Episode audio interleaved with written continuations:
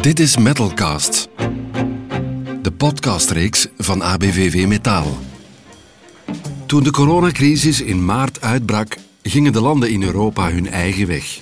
De Italianen mochten al snel de deur niet meer uit. In Polen voerde de politie strenge controleacties. Zweden nam dan weer amper maatregelen. Ook gingen de grenzen niet overal tegelijk dicht. Waarom nam de Europese Unie die coördinatierol niet snel op? We vroegen het aan Hendrik Vos, professor aan de Universiteit Gent. Toen die coronacrisis in Europa aankwam, dan merkte je dat iedereen ja, in snelheid gepakt was. Dat, dat geen enkele lidstaat en ook de Europese instellingen dat echt hadden zien aankomen, daar een draaiboek voor hadden klaar liggen.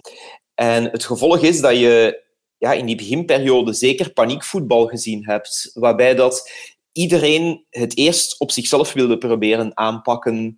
En dat heeft heel veel te maken met bevoegdheden. Um, stel dat bijvoorbeeld Charles Michel of Ursula von der Leyen vanuit die Europese cockpit zouden de Europeanen verboden hebben om nog op café te gaan, helemaal in het begin van de coronacrisis. Er is niemand die dat zou aanvaard hebben. Iedereen zou gezegd hebben van waar, waar haalt jij het recht vandaan om dit soort dingen op te leggen of af te dwingen. Er was ook werkelijk een probleem. Ja, Europa had niet de bevoegdheid. Als het gaat over organisatie van gezondheidszorg, dan hebben landen altijd gezegd van dat doen we zelf wel. Want, dat ligt gevoelig. Hè. Gezondheidszorg, daar raakt altijd aan solidariteit. En uh, zeker landen met een goed uitgewerkt systeem, die wilden vermijden dat inwoners uit landen met minder goede systemen hier zouden komen shoppen. En, en, en dus hebben we daar eigenlijk altijd land per land apart geregeld. Gezondheid is dan geen kernbevoegdheid van de EU, maar economie is dat wel. Daarom neemt de Europese Unie dan ook de touwtjes in handen met onder andere de voorbereidingen voor een algemeen reddingsplan. Nu, als het gaat over die economische gevolgen, dan zie je dat Europa eigenlijk wel in actie komt. Dat, dat is ook meer vertrouwd terrein. Hè. We, hebben nog landen gehad die in zware financiële problemen zaten. Hè. Denk aan de eurocrisis, de bankencrisis. En daar zijn wel een aantal mechaniekjes en draaiboeken voor. Daar zie je dat Europa dan daar wat het voortouw in te nemen. Al heel snel na het begin van de crisis uh, werd beslist van oké, we gaan de begrotingsdiscipline die we normaal gezien vanuit Europa vragen, die, die, die gaan we loslaten. Het is nu alle hens aan dek, dus landen zullen nu extra uitgaven moeten doen. Dat, dat, dat moet dan maar en dat mag dan ook. Um, bestaande subsidies die werden verdeeld en waar normaal gezien heel veel paparasserij en bureaucratie bij komt kijken, is heel snel gezegd van dit zullen we goed dan ook verdelen. En we gaan nu niet te veel moeilijk uh, meer doen over commas en procenten en, en uh, handtekeningen die misschien ontbreken, uh, geld dat we eigenlijk beloofd hadden, gaan we sowieso uh, verdelen. Er is ook een, een, soort mechaniekje nu over heel de Europese Unie voor tijdelijke werkloosheid uitgewerkt. Voor ons klinkt dat allemaal nogal vanzelfsprekend, maar in vele andere landen uh, was dat uh, helemaal onbestaande. en, en, en dat wordt nu overal ook uitgerold. En sinds ja, eigenlijk een aantal weken al wordt ook echt wel nagedacht over een, ja, een, een algemeen reddingsplan, een, soort herstelfonds, omdat men zich realiseert dat heel die crisis honderden miljarden, wellicht duizenden miljarden zal kosten. En dat, ja, dat, dat landen, sommige landen zeker, het ontzettend moeilijk zullen hebben om dat alleen te boven te komen. Dat Europese reddingsplan kwam er niet vanzelf. Er ging dagenlang getouwtrek tussen landen aan vooraf. Want waarom zouden de zuinige noordelijke lidstaten zoveel moeten bijdragen voor de landen die hun begrotingen maar niet op orde krijgen?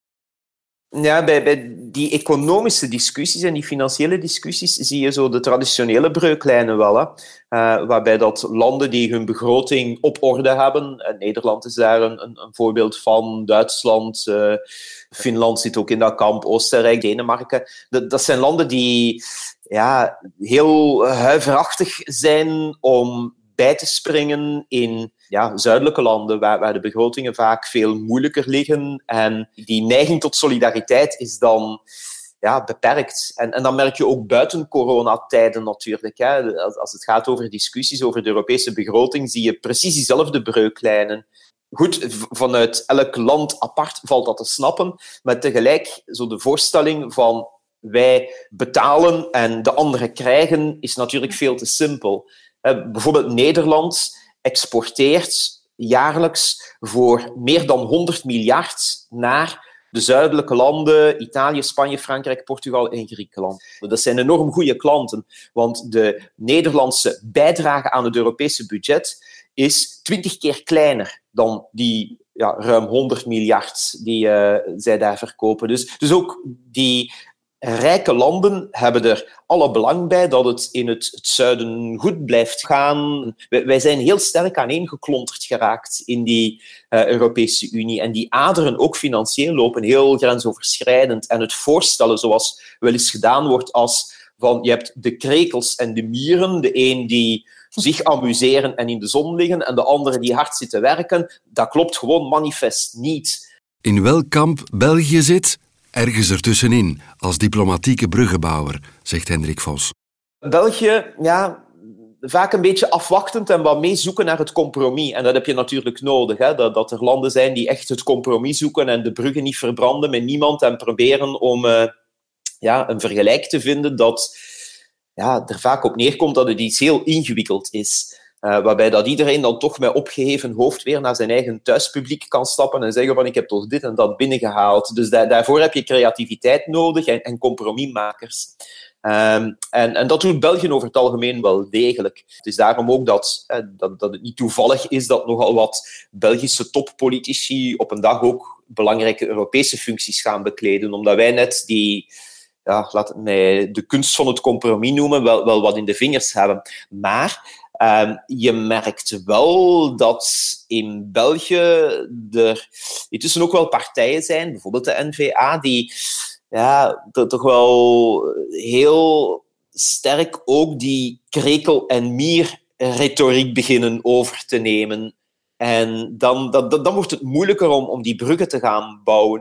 En bruggen bouwen, dat is nu precies wat de Europese Unie nodig heeft.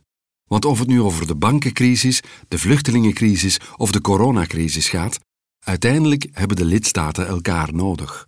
Wat we met de coronacrisis zien, is niet anders dan wat we met veel andere crisissen de voorbije periode in Europa ook gezien hebben. Er zijn een heleboel domeinen en terreinen die elk land liefst op zichzelf wil aanpakken. En, en nu is dat gezondheidszorg, uh, maar dat is ook al de aanpak van terrorisme geweest. Dat is uh, de manier waarop we met vluchtelingen omgaan. Dat is uh, het beheer van banken, noem maar op.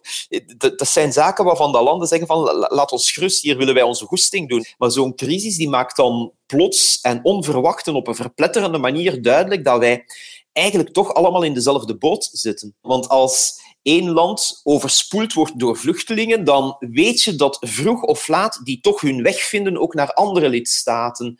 Uh, als één land zegt van ik ga in het kader van mijn veiligheidsbeleid uh, die en die stappen nemen tegen terrorisme. Oké, als één land dan wat lakser is, dan krijg je aanslagen ook weer in andere landen. Als één bank uit één lidstaat grote risico's neemt in andere landen. En, en dat kan, want we zijn in Europa één markt. Dan, dan dreigt een heel financieel stelsel te gaan ontsporen. Um, en, en nu ook weer, als, als één land strikte maatregelen neemt in het kader van de coronacrisis en andere landen uh, zijn heel laks, ja, dan, dan is het dweilen met de kraan open. Dus je, je voelt aan, er is langs de ene kant altijd opnieuw die neiging om het zelf te gaan doen, maar tegelijk ook al heel snel het besef van verdorie, wij zitten eigenlijk toch wel in dezelfde boot. Dus laten we dan toch zoeken naar manieren om dan op zijn minst elkaar te informeren, uh, ons beleid op elkaar af te stemmen. En misschien is het ook wel efficiënter om ja, zeker naar de toekomst toe, dan ook een gezamenlijk beleid te gaan voeren. Maar de, de crisissen van de voorbije periode op heel veel vlakken hebben ons wel duidelijk gemaakt dat er eigenlijk geen alternatief is dan meer en meer samen optreden. Samenwerken met 27 uiteenlopende lidstaten, dat betekent oneindig veel onderhandelen en lang sleutelen aan een compromis. Heeft de Europese Unie een sterke leider nodig? Het is heel moeilijk om zo te zeggen van je hebt daar nu zo één sterke figuur voor nodig. Um, ik denk dat je vooral mensen hebt die ergens vertrouwen moeten kunnen wekken.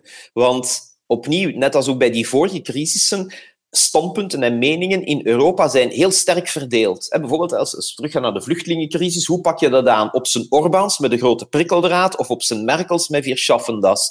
Uh, de, de coronacrisis, pak je dat aan met een hele strenge lockdown en discipline, of pak je dat aan um, ja, toch proberen zoveel mogelijk rekening te houden met, met de, neiging van mensen om, om, om toch ja, te, te blijven leven. Stel dat je dan één sterke leider hebt die zegt van het is nu zo en zo en, en, en, en ik ga het hier dicteren, dan ga je onmiddellijk bij die landen waar de gevoeligheid anders ligt, gaan onmiddellijk zeggen van ja, maar daar, willen wij ons niet mee, mee associëren. Dus een, een, een, leider die echt op tafel klopt en zijn mening doordrukt, die, die zou de helft van Europa achter zich laten. Het, het zou splijten. Je, je, zou eigenlijk zoiets hebben dan als Donald Trump. Hè. Trump is een leider, hè. Die, die, heeft een bepaalde visie en die drukt die door, maar, maar, maar de helft van dat land zegt van Jezus, met, wat voor iemand zitten wij hier opgescheept? En dat brengt u niet zoveel verder. Ik denk dat je nood hebt aan mensen die op een, op een rustige manier aan het compromis werken. Liggen er verder nog lastige dossiers op de Europese onderhandelingstafel? Op de achtergrond leeft nog altijd dat debat van uh, de Brexit. Hè. De Britten moeten er nog zien uit te, te raken en men uh, probeert daar ja, afspraken rond te maken, maar de klok tikt. Officieel zijn de Britten uit de Europese Unie, maar in de praktijk is dat niet zo. De, de bedoeling was dat tegen het einde van het jaar men een akkoord zou krijgen over ja, waar gaan de Britten dan echt afwijken? Wat, wat gaan zij nu in de toekomst echt anders doen en, en, en hoe gaan wij ons als Europa daar dan uh, ja, rond gaan gedragen? En, en, en, uh, maar, maar goed, heel, heel die discussie ligt eigenlijk op dit moment toch wel wat stil. En er is niemand die echt gelooft dat je dit tegen het einde van het jaar zal geregeld krijgen. En de vraag is wat er dan gebeurt. Dat, dat, dat is heel onduidelijk. En dat blijft eigenlijk wel een spannend dossier uh, op de achtergrond. In de volgende podcast zoomen we in op het coronavirus als rem op de internationale race to the bottom en het toenemende belang van het middenveld om de crisis aan te pakken. Volg de reeks over de samenleving na corona door je te abonneren op Castbox, Spotify of iTunes. Of surf naar abvvmetaal.be slash metalcast.